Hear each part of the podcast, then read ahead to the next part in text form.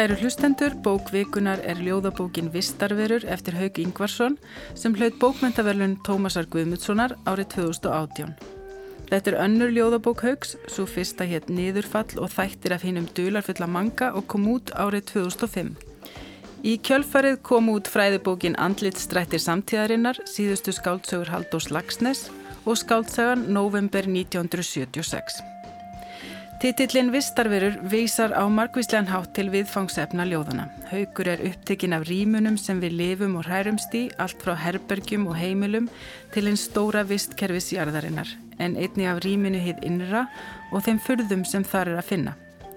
Áður en við höldum áfram skulum við heyra Haug sjálfan lesa upp úr bókinni. Ég er allsjáandi í sófanum heima, niðursokkin í eigin hugsanir, sem neyta ringi um óljósan kjarnar eins og gullfiskar í glerkúpli. Þar var hreinsa búrið, er í vatninu grugg, óvelkomið líf, vaksandi áhyggjur, lamandi aðgerðalessi. Ætli fiskarnir séu svangir, getur lifað af í náttúrunni, ætti að sleppa þeim lausum. Ég segi það engum en inn í mér sökk skip. Ég horfi á slísið og reyndi ekki að bjarga neinum. Hlustaði á öskrin, það voru voðaleg læti. Á eftir fylgdi mikil þögn, kæfandi þögn.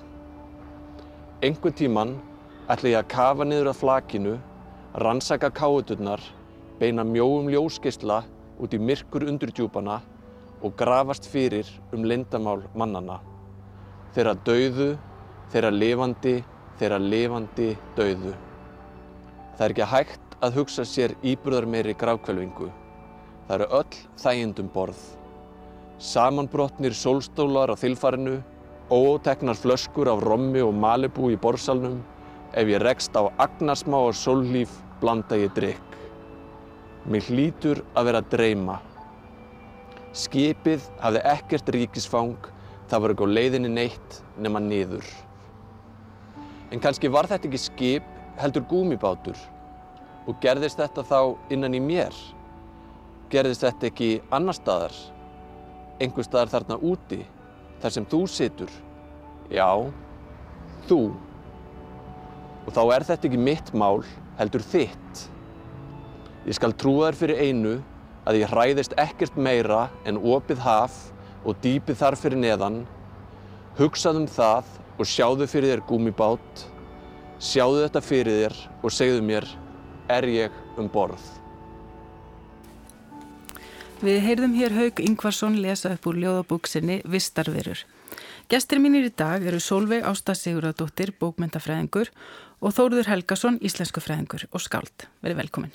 Takk fyrir. Um, Solveig Ásta, þú sagði nú reyndar hérna núna að þetta væri eitt af uppáðsljóðunum þínum í bókinni sem var lesið upp hérna í byrjun. Já, alveg klárlega mjög gaman að heyra það bara svona strax og líka heyra, heyra upplesturinn. Um, þessi svona blæbriði í röttinni sem að veki hjá manni alls konar tengingar við um, textan sjálfan. En mér finnst bara þetta ljóð vera mjög góð leið til að koma inn í þessa bók. Það eru hérna, það eru þessar andstæðir af einhverju stórkostlegu sem er að gerast á sama tíma og, og einstaklingurinn situr á, á sófanum heima og sér og langar svo mikið að breyðast við eða finnur hjá sér þörf fyrir að breyðast við. En uh, viðbreðið er í rauninni byrtist bara í vaksandi áhyggjum á meðan að, að ljóðmælandin situr á sófanum heima og síðan er þetta þessar myndir af einhverju sem er að gerast en hvernig tengjumst við við það sem er að gerast ef svo má orðið komast. Ég mhm. horfði á sleysið og reyndi ekki að bjarga neinum en hlustaði á öskrun og svo framvegis. En hann ætla líka að gera eitthvað. Hann ætla að gera eitthvað, já, einmitt, akkurat, akkurat. Hann ætla að kafa nýður og rannsaka. Já, og svo bara, maður stekkur bara beint þanga þá kemur hann með þessa myndum að einhver tíma hann ætla hann að kafa og rannsaka og skrásetja og það er svona umræðanum um eitt lofslagsbreytingar og rannsóknir og vísindi og upplýsingar sem við höfum en síðan er þetta lamandi aðgerðarleysi sem kallast ah, lamandi, lamandi. En það er um þetta sterkustu enginninu sem ég fannst vera í þessari bók. Það er þessara sterku og áhrifamöklu myndir eins og þetta skip þarna sem sekkur inn í honum. Það, þetta er svona eitt af því sem ég, mér fannst mjög ábyrgandi. Er þið samla því? Er einhver önnur enginni kannski sem þið tóku svona strax eftir? Nei, ég er sammála því. Ég finnast uh, vísa, vísanirnar í bókinni vera e, einsta þessar myndir og tákn og vísanir, alveg mm. sérlega eftir þetta verðar, en það, sko, hann tekur sér verið hendur eiginlega sem að er náttúrulega stór hættulegt að það fjalla um efni sem er brennidepli og margir hafa farið náttúrulega ríkalega flatt á því mm. og, end, og hérna falla í stórirði sem detta alltaf döið niður eða í hins vegar í einhvers konar flattnestju sem að skilar okkur engu. Það er svo erfitt að, að eiginlega að toppa það sem er að gerast mm, ja. og hann tekur þá afstöðu eða þá hann tekur þann pól í hæðina að nota myndir, tákn og mjög sterkar vísanir, finnst mér. Ímislegt annan bábundaverk til dæmis og atbyrði. Mm. Og hérna þið náttúrulega kannist bæði við fyrri ljóðabögg haugs, eða ekki? Jú, jú. Og sjáu þið einhverja svona tengingar þar á milli eða hvernig finnst ykkur svona samanburðurinn? Um, ég, uh, ein, einlega til að tala um það er hérna rödd ljóðmælandans. Það er þessi svona einlegni sem er alltaf litið íróníu eins og hefðin líka bara svona í upplestrinum á síðasta ljóði sem að e, byrstist í fyrirljóðbókinni í samspili alltaf mín mati einas eina ljóðmælanda og síðan manga leinivinnarins mangi sem er alltaf að grafa undan skaldinu og gera lítið úr honum og segja að þú ert að sitja það á hann hest með því að vera eitthvað að greina samtíman um, mér finnst það eins og mangi sé ennþá með okkur í þessari bók í þessari íróníu þó hann sé ekki beint í textanum. Að þá er, og jáfnveil bara svona myndina af einari áskelli sem er þessi svona minimalíska barnabók þar sem er eitthvað svona þrúandi sorgjafil alltaf undir en, uh, en textin er svona minimalískur og, og veitur þannig. Já, já, mér finnst það margt, þó að sé komið náttúrulega látt síðan að, að, að niður fall þessi bók fyrir bók, ljóðabók kannski út á náttúrulega margt sem finnst mér sem tengir, þetta er náttúrulega þetta eru átök við tíman, þetta er einhvers konar uppgjör alltaf í báðum þessum bókum sko. og, og hérna en af vísu uh, öðruvísi, hér notar hann raunar mjög mikið táknumindir og náttúrulega enn fleiri vísanir heldur en í, í, í hérna vistarverum. Í allar áttir. Með þannig að það, hann heldur áfram í rauninni með það. Og en... svona íslenska bókmyndasögu þá hvað hvað, já, hvað mest eða hvað innýðurfalli það já, já, já, já, já, já bæði formum og, já. Já, já, báðum. Já. já, já. Og svona íslensk bókmyndasaga og það sérstaklega svona frægust verkinu stilt saman við mitt einar áskjöld í hálsaskói um, og fleiri, fleiri badnabækur. Það er um, ótrúlega flott hvernig það er gert. Já, geysilega. Já. Í vistarverum þá eru fyrstu tvö ljóð bókarinnar eh, nokkuð mögnuð finnst mér og Haugur hefur sjálfur sagt frá því meðal annars í viðtali við Kolbrónu Bergþórsdóttur í fréttablaðinu að þau rætur að reyka til heimsóknar eh, í kringilsálrana sumari sem framkvæmdir hófust við Káranhjúkavirkjun og að þessu orti minningu Guðmundar Páls Ólafssonar, rítumundar og náttúrufræðing sem fjall frá árið 2012 Uh, ég var að spá ykkur, þú getur kannski bara að lesa upp ljóðin fyrir okkur, Þorður. Já. Allt sekkur. Eitt. Alltaf eru þið á sveimi í höfðin á mér, hreindirinn í þokunni. Þevvís en blind í þöglum söpnuði. Hvað allir hord þeirra nemi, þessi gríðarstóru loftnett sem tróna yfir lágróðninum, ilmandi lingi, stingandi strái, kittlandi punti. Þetta sokna land á samastað djúft, djúft í hugarfylsnum mínum. Tvö. Gáruðnar á lóninu er í yfirborð. Undir niðri er kyrð þar sem jökulvatt skilur sig og set sígur til bots í hægri loggdrífu. Lóðuréttur tógkrafturinn, lárétt setlaugin, hringrás tímans. Neðanjarðar þungur beljandi ströymur, knýr turbínu sem minnur á ammoníta, stengjarður spírall, dáleðandi, hringiða, vertikó. Takk. Ég held að um, margir sem að heimsóttu virkunarsvæði við Káranhjúka á þessum tíma kannist við það sem haugur er að lýsa hér. Það er svolítið fyrðulegt að akkurat þetta landslasi hverki til núna nema í hugum nokkura manneskja. En þessi tvöli og þau mynda svolítið flotta heilt að mínu mati. Það, e, fyrst kemur þessi innri mynd af hornulandi mm. og reyndýrum og svo er kafað ofan í lóni sem þau eru sokkin í og við erum með þessa turbínu og kraftin en að manngerðakraft sem að mætir jarðlegum krafti, þingdaraflinu, eiliðinni. Uh, sjálf svona var ég að spája hvort að mætti tólka annars vegar þannig að maðurinn sé einmitt orðin stærsta aflið sem hefur áhrif á þróun náttúrunar. Það eru þessar kenningar um að við lifum á tímum sem kallar anthropósín, það er að segja manntími á jarðsögulegum skala. Eða það mætti líka tólka þannig að við séum það sem við erum að gera, það snerti bara yfirborðið þessar gárir á lóninu og svo þau fyrir við undir og þá eru miklu kraft meiri öll þar. Kannski eru þeim með aðra tólkanir?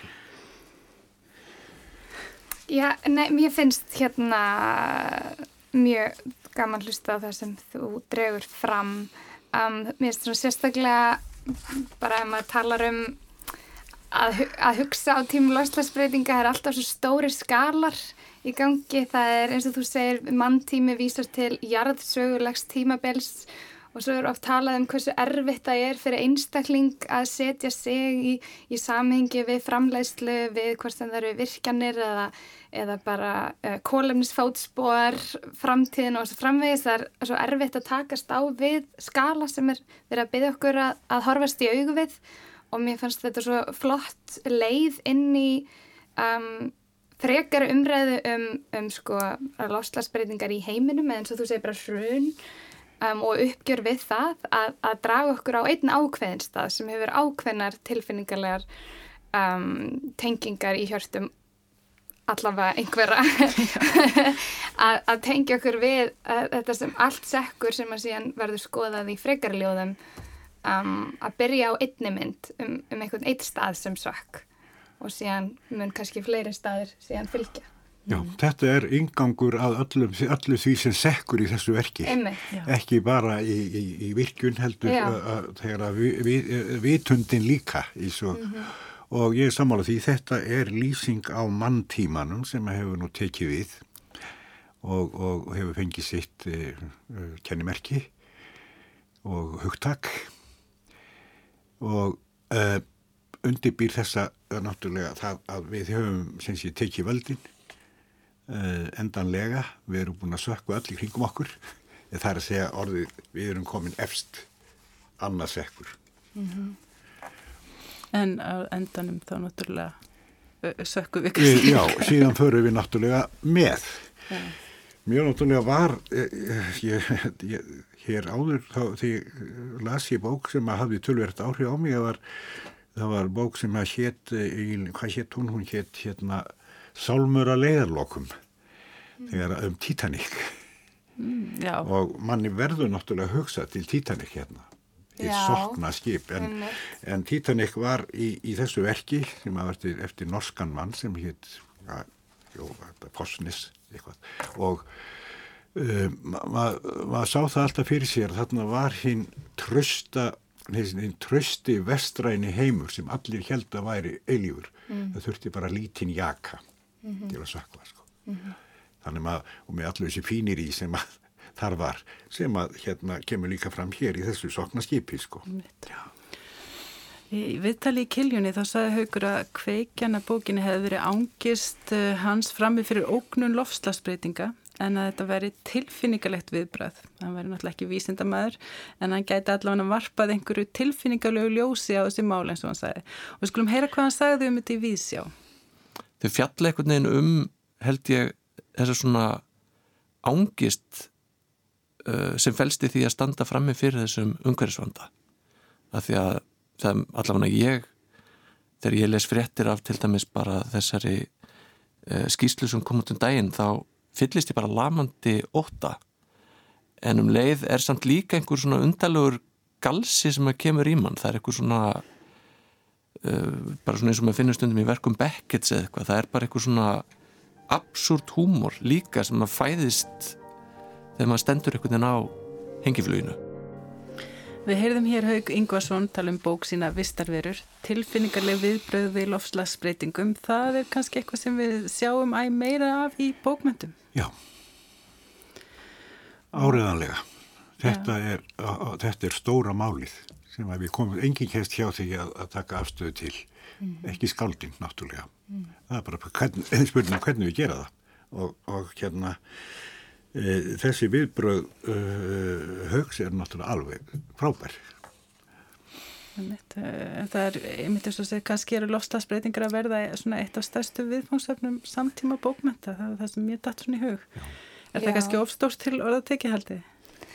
Nei, kannski er maður eitthvað of, hérna, mikill nörd að vera svona einhvern veginn hvernig afmörku við það, hvernig eru einhverjar bókmæntir sem er sam, samtar í samtímanum ekki um lofslagsbreytingar, er eitthvað ekki um umhverfi, en, en jú, vissulega, vissulega eru allir að semja undir um, þessari, þessari ángist sem að hann er að lýsa. Og kannski þetta orð sem hann valdi vertigo, um, mjög, veist, þessi svona ringul reið um, en ég var að hugsa þegar hún nefndir manntímana því að síðan kemur hérna næsti kapli eða milli kapli um afstöðu að því að síðan sko eh, á flækjurnar við að tala um hvað mikið gaggrína á hugtækið manntími eh, varðandi sko að, að, að það setji alla menn í sama flokk. Ef að manntími vísar til ábyrðar og eins og þú nefndir Vesturlönd í myndinum Titanic að þá hérna að það verður vandina því að ef við erum að tala um ábyrði þá eru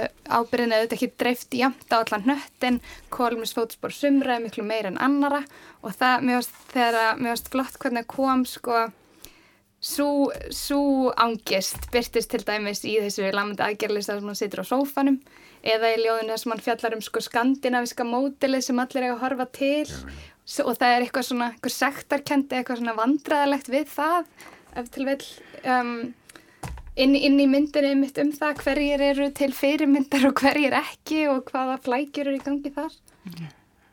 Já, þetta er dálítið írónist finnst mér. Já, já, Akkur tekur hann skandinavisku fjölskyldum. Mm. Konu, mann, börn. ummitt. En uh, við hefum kannski aðeins myndust aðeins á uh, uh, svona redd uh, ljóðmælandans og, og hérna í niðurstöðu hjá domnum Tómasar verðlunana þá sagði að tóntegundum bókarinnar einkendist af hóværd í bland við íhygli og kymni, mér fannst þetta ágætt lýsing uh, og það er einmitt kannski redd ljóðmælandans var eitt af því sem svona heitlaði mig í þessari bók en myndið þið geta lýstinni? Röttinni. Já. Já, sko, já, hann er náttúrulega ráðviltur. Það er nú eitt. Í, í þessum eh, heimi. En sjáum við það að hann notar ótrúlega mörg spurningamerki í, í til dæmis í lok hvers kabla í, í bókinni, sko, og líka inn á milli. Um, við sjáum náttúrulega líka þetta, eins og við tölum um áðan, þetta lamandi aðgerðarleysi uh, hann, hann, og, og kannski bara alveg dáðleysi í, í tímanum. Að takast ekki á við þetta koma sér að fylgja yfir á aðra og, og svona en, en þetta er ráðviltur maður hún er e, e, einn og einangraður mjög gjarna og á því byggist þessi rætt finnst mér Já, sko þú hérna nefndir með, með spurningamerkina því að það eru mitt engir punktar. Nei, Það er aldrei punktar en það er nóga já, spurningamerki. nóga spurningamerkjum Og endar hún ekki líka, hún endur á spurning. Jú, Já, já, já. akkurat. En jú, hann er, ég er með saman því að hann er, er ráðvildur og hann er, það er svona spurning, kallar fram sko hvað er, ok, þetta er svolítið háflegt, hvað er að vera maður, hver er mennskan og hver er svona, eins, já, arfleifðin, hvernig, hvernig á ég að hugsa um einhvers konar framhald á mér og vil ég það yfir höfuð. Já. Vil ég yfir höfuð að, eins og hann talar um, þegar hann horfist við nasirningin sem er að deyja út. Já. Þetta, en hann, hann, þá skynjar hann kannski líka hann er líka degjút sko. já, En þetta er náttúrulega líka, einmitt, það eru svona tilvistalega spurningar og við erum eins og titillin vísar náttúrulega líka til þess að við erum svona verur í tilvistinni eða vistkerfinu og, og þar kemur náttúrulega samband okkar við Guð líka inn. Já, og það er líka þarna undir. Já, og hann vísa nú til dæmis í nóaflóðið. Já Og það er þetta með að sökva uh, Guðs sekkur því sem hann elskar. Já. og það gerum við líka.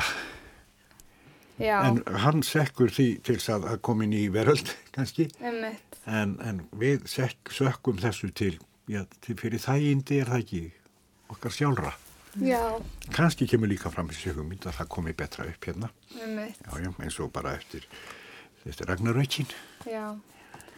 En það er áhugast líka að hugsa um sko, hirt fólk tala um að einn til dæmi að komi í ljós sko áhrif skaldskapar, kvikmynda og bara menningar afverða í, í hérna á tímbilum eins og lofslagsbreytingum að við erum först í eitthvað svona söguþræði Já. og þegar maður heyrir af hörmungum að þá, þá, þá koma góðsögulega myndir upp í hugan sem er að það, það útskýri kannski stundum að, að já, aðgerðaleysi að því að þú kannski býst við að það komi eitthvað svona svar. En hérna er eins og um, Guð er ekki lengur til staðar eða óttin um að Guð sé ekki lengur til staðar. Og jafnvel eins og að hérna ef við skoðum nóaflóðið að þá er eitthvað skonar hérna skipti innan kristninar, það er, það er synd en það er líka hægt að fá synda aflaust að menna hér er ekki neinn synda aflaust ný bóði og það er svona tógast á um sko, það kemur flóð inn í góðsrónum í, í biblíunni en það er eitthvað gott mögulega eða þú veist, að Hér er nýtt Guð í upphaf sem- búri. hér er Guð í búri. Já, og það er enginn sem getur veitt þessa syndaaflust Þetta verður við að takast á já.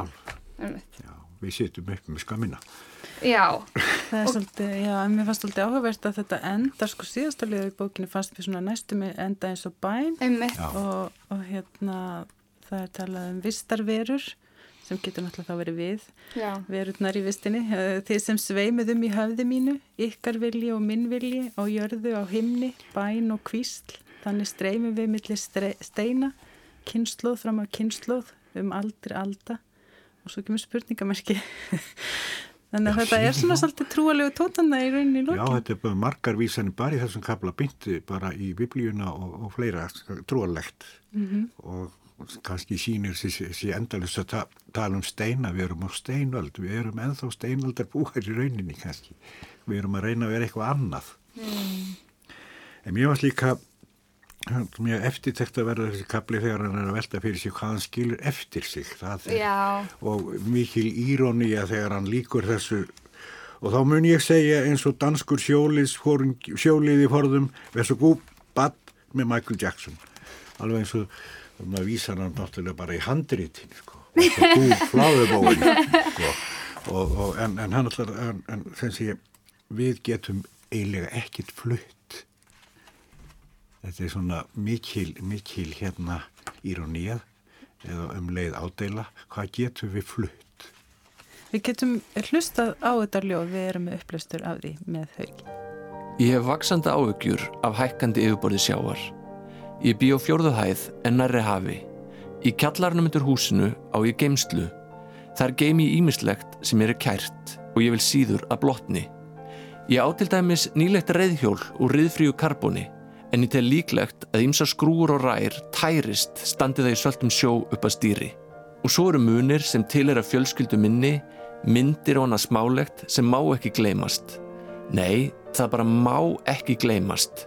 Sumarfríið til Algarve hér um árið, þar egnaðist ég minn fyrsta Walkman, spólu með Michael Jackson og hleðslutæki fyrir batteri.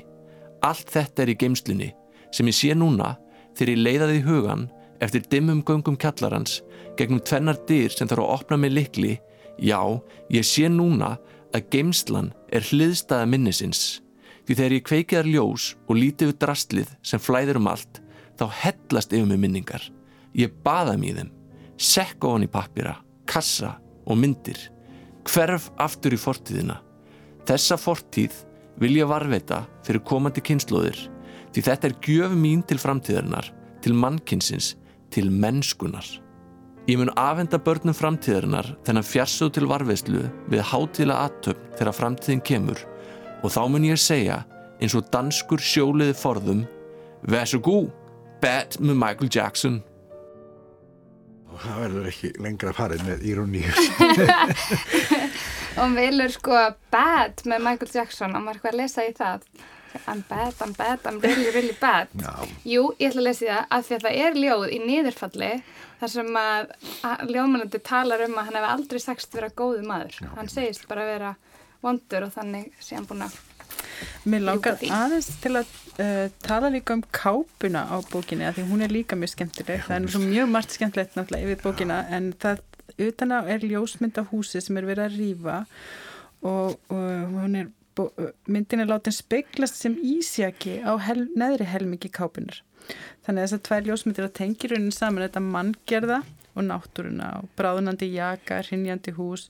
Ég meina, hvað fannst ykkur um? Já, mér finnst þessi forsi óskaplega sterk sko. Það er náttúrulega, það er verið að rýfa þetta hús og þetta er, þetta er, þetta er stórt hús og það er á, á sjáarbakka, þetta er mitt hús sem að, að Íslandingar sem eiga peninga vilja einmitt tega heim í sko. en það er verið að rýfa þetta og þarna standa játninu til loftið og, og, og hérna, en En það stórkostlega við myndina, það er, eins og þú segir, speglunin. það spe, og þegar að- það speglast í sjónu, þá er þetta bara ísjaki sem er að bráðna. Og þessi ísjaki, hann vakti svona hugreiningatengstum mér í rauninni þar sem að við sjáum yfirborðinu náttúrulega bara brota því sem er undir niðri. Það er svona minni svolítið uh, ljóðum lónið sem ég var að tala um Já. áðan, þetta sem er svona undir.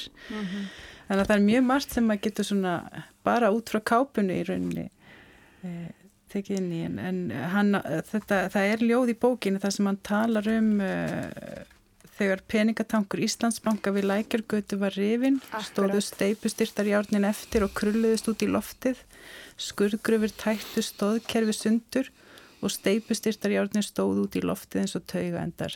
Það er í rauninni það sem við erum að sjá hérna Já. á þessari mynd. Einmitt, og stert að velja bankahús um, sem er verið að rýfa tengsl við ímiskonar hrun og alls konar hrun sem hafa sérstakar tengingar við, við Ísland og mér finnst það svona, aftur kemur, kemur inn á þessa skala, þessa mismunandi tegundir af, af hruni og framleiðslu og um, uh, já, hvernig, hvernig ólíkir hlutir tengjast en dregur þess að þættir saman þennan hátt. Ja, þetta minnir okkur á mikið, þetta sem er svo merkilegt í bókinu að það er þetta, að það að eyða, það er að brjóta og líka sjálfseyðinguna í leiðinni. Sjálfseyðingar kvöt kemur hér mjög stert fram í þessu verki. Sko. Já, um mitt. En hann sagði sjálfur haugur í kiljunni að e, þessi kápa væri ágætt lýsing á hvernig bóki var unnin, annars vegar væri kaldrannalega myndir af því sem blasir við en svo sé þarna líka ljóðræna og leitað fegur það er Já. þá væntilega þessi falli Já. ísjaki sem að sér þannig að þetta sé ekki eintómt svartnætti Einmitt. vild hann meina í þessari bók er þið sammála því, er, er hérna er svona fegur þó kannski er einhver Já, er nú kannski ekki mikið von Já, það er, það er von fyrst að við erum að tala saman og ljóð uh, hvetja okkur og reyna já, fá okkur til að hugsa og hugsa öðruvísi og hugsa í alls konar nýjum tengingum sem við höfum ekki hugsað áður. Þannig að hvort að fegur þenn að jafnvel fyrir maður að segja ástin sé, sé ástin til annara vera sem eru með manni í þessari, þessari vist um, sé konar mótsvar við þessu lamandi, þessum lamandi óta sem er gegnum gangandi og írónía því að það er ábúrslega mikil sjálfsháð í ljóðinu. Um, háð uh, grína því að yfir höfuð segja eitthvað í ljósi þess hvað hva menning eða orð bara hérna geta gert lítið. Já, já. um að ég munaði laus í tungumálinu og svo framvegis en samt, en samt er einhver tilraun hérna til þess að, að nota tungumálið um, og tala.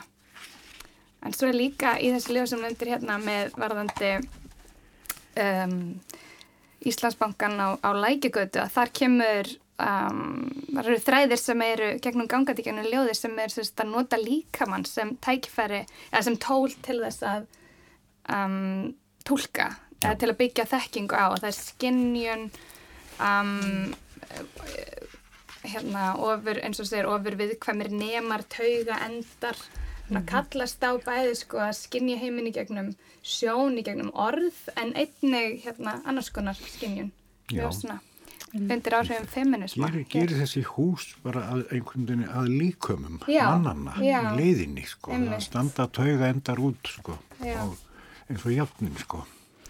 Og það er líka þarna í kapla, öðrum kaplanum þar sem mann er að tala um innra landslægurunni um, um afstöðu heitir svo kapli þegar hann er að lýsa svona innri heimi sinni þá er það mjög líkamlegt líka Já. þegar hann segir þegar ég hugsa um hamar, steði og ístað finnst mér eins og innra með mér séu fornarleif og sovjetríkjana og þar skamt frá hinnar lignu tjarnir innra eirans, Já.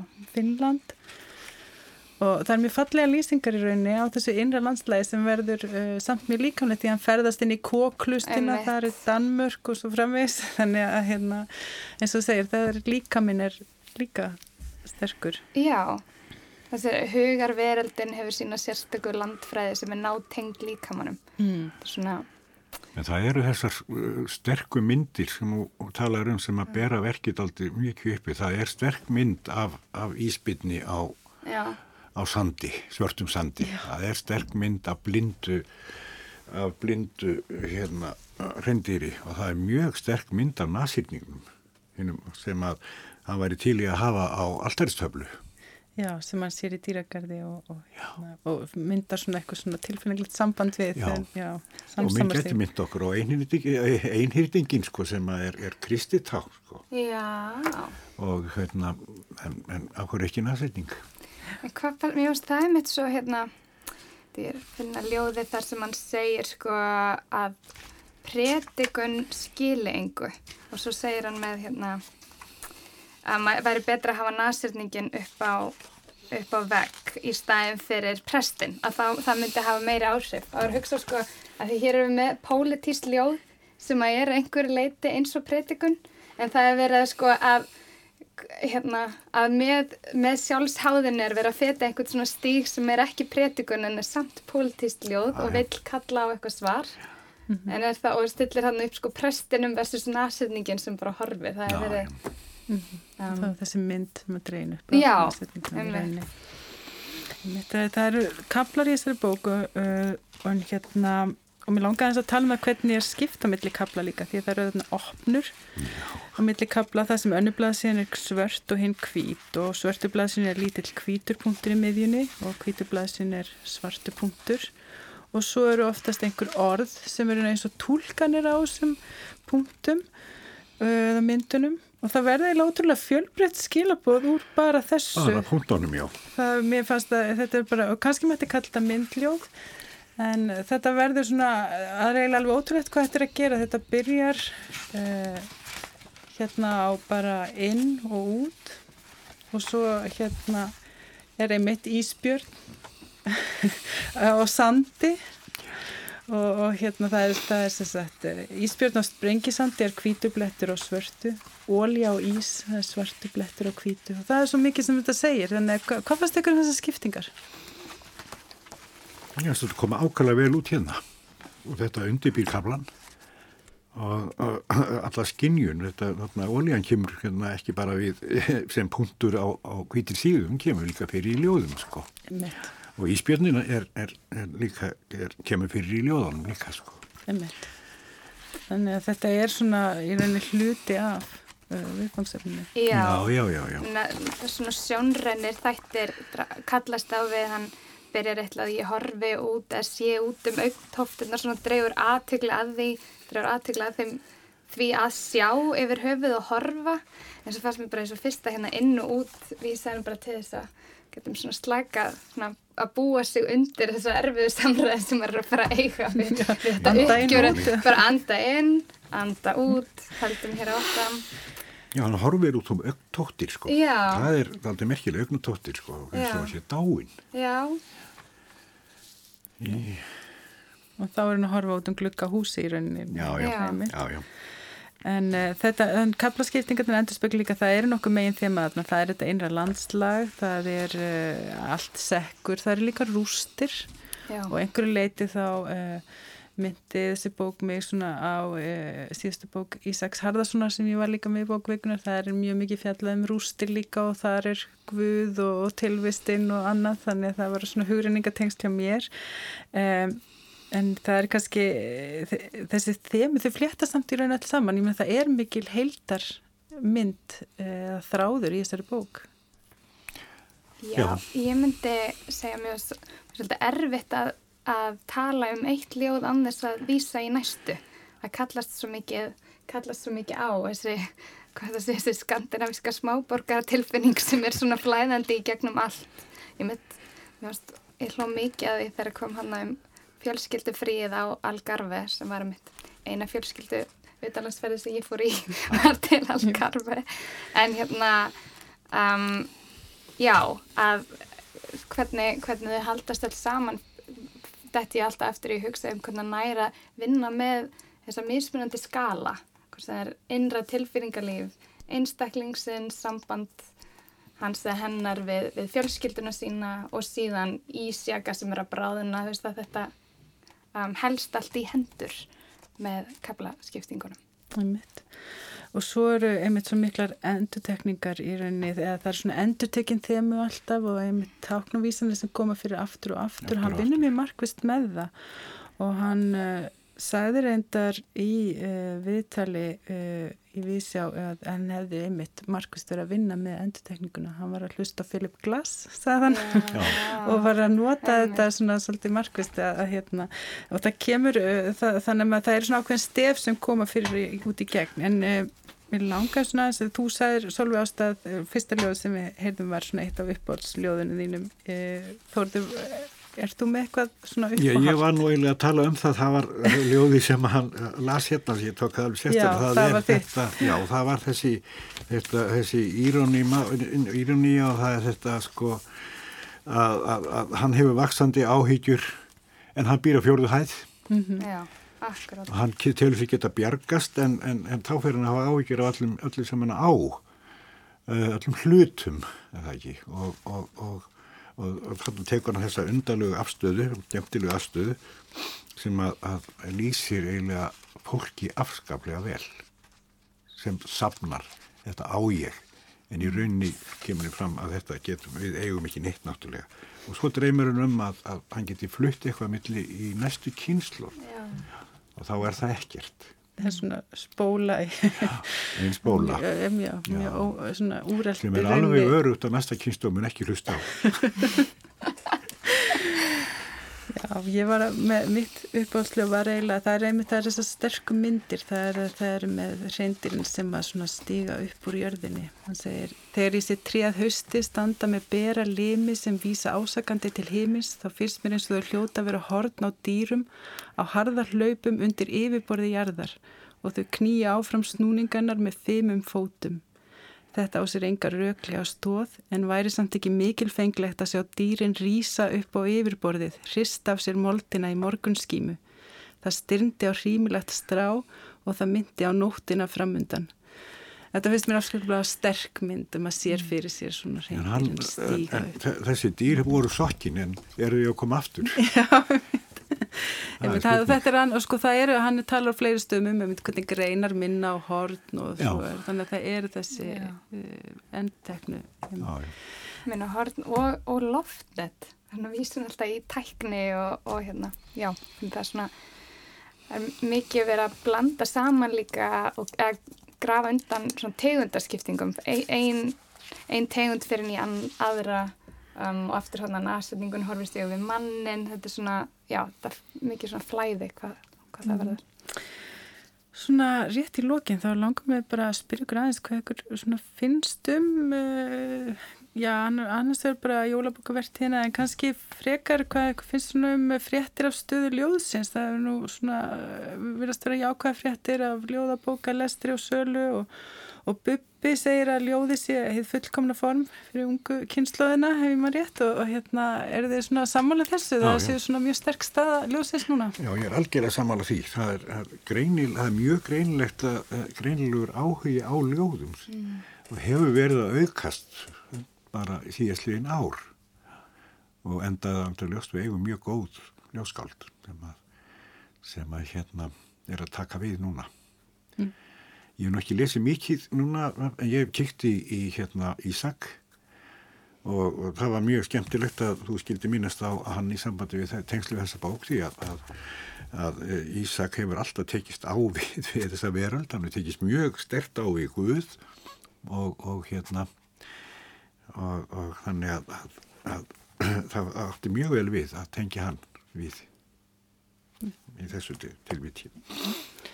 Hvað segir þú? Já, Sara? ég held svona í, í því þema sem við erum að tala um hér að þá höfum við sem eitthvað þörf fyrir ljóðskáld og ljóð til að hjálpa okkur að hugsa og til að hjálpa okkur að, að, að komast út úr hugsana flækjum en svo líka bara hugsa maður um hérna tónlist, þú veist hvað er mikið verið, hvað ljóð er að koma stert inn í bara pop tónlist og þau eru náinn, ná hérna, ná tengd okkur um, og farin í um, kannski ný, ný og, og fleiri form um, sem er bara ótrúlega ánægilegt. Ég hef verið sérstaklega að hugsa um eins og hérna, popstjörnur eins og Beyoncé að, að stilla ljóðum fram sterkast í sínum verkum veist þannig að sem er að vekja aðtikli á, á þessu formi skaldskapar.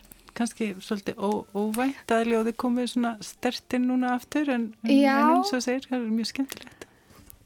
Já, það er mjög, kannski ekki óvænt en það er mjög skemmtilegt. En þannig ljúku við umfyllunum um bókvikunar Vistarverur eftir Haug Ingvarsson og gestir þáttarins voru Sólveig Ásta Siguradóttir og Þórður Helgason og ég þakka ykkur fyrir ykkar innlegg og ég vil minna hlustendur á heimasíðu þáttarins rú.is skástrygg bókvikunar þar má meðal annars finna upplestra á viðtöl sem tengjast bókum vikunar hverju sinni. Verið sæl.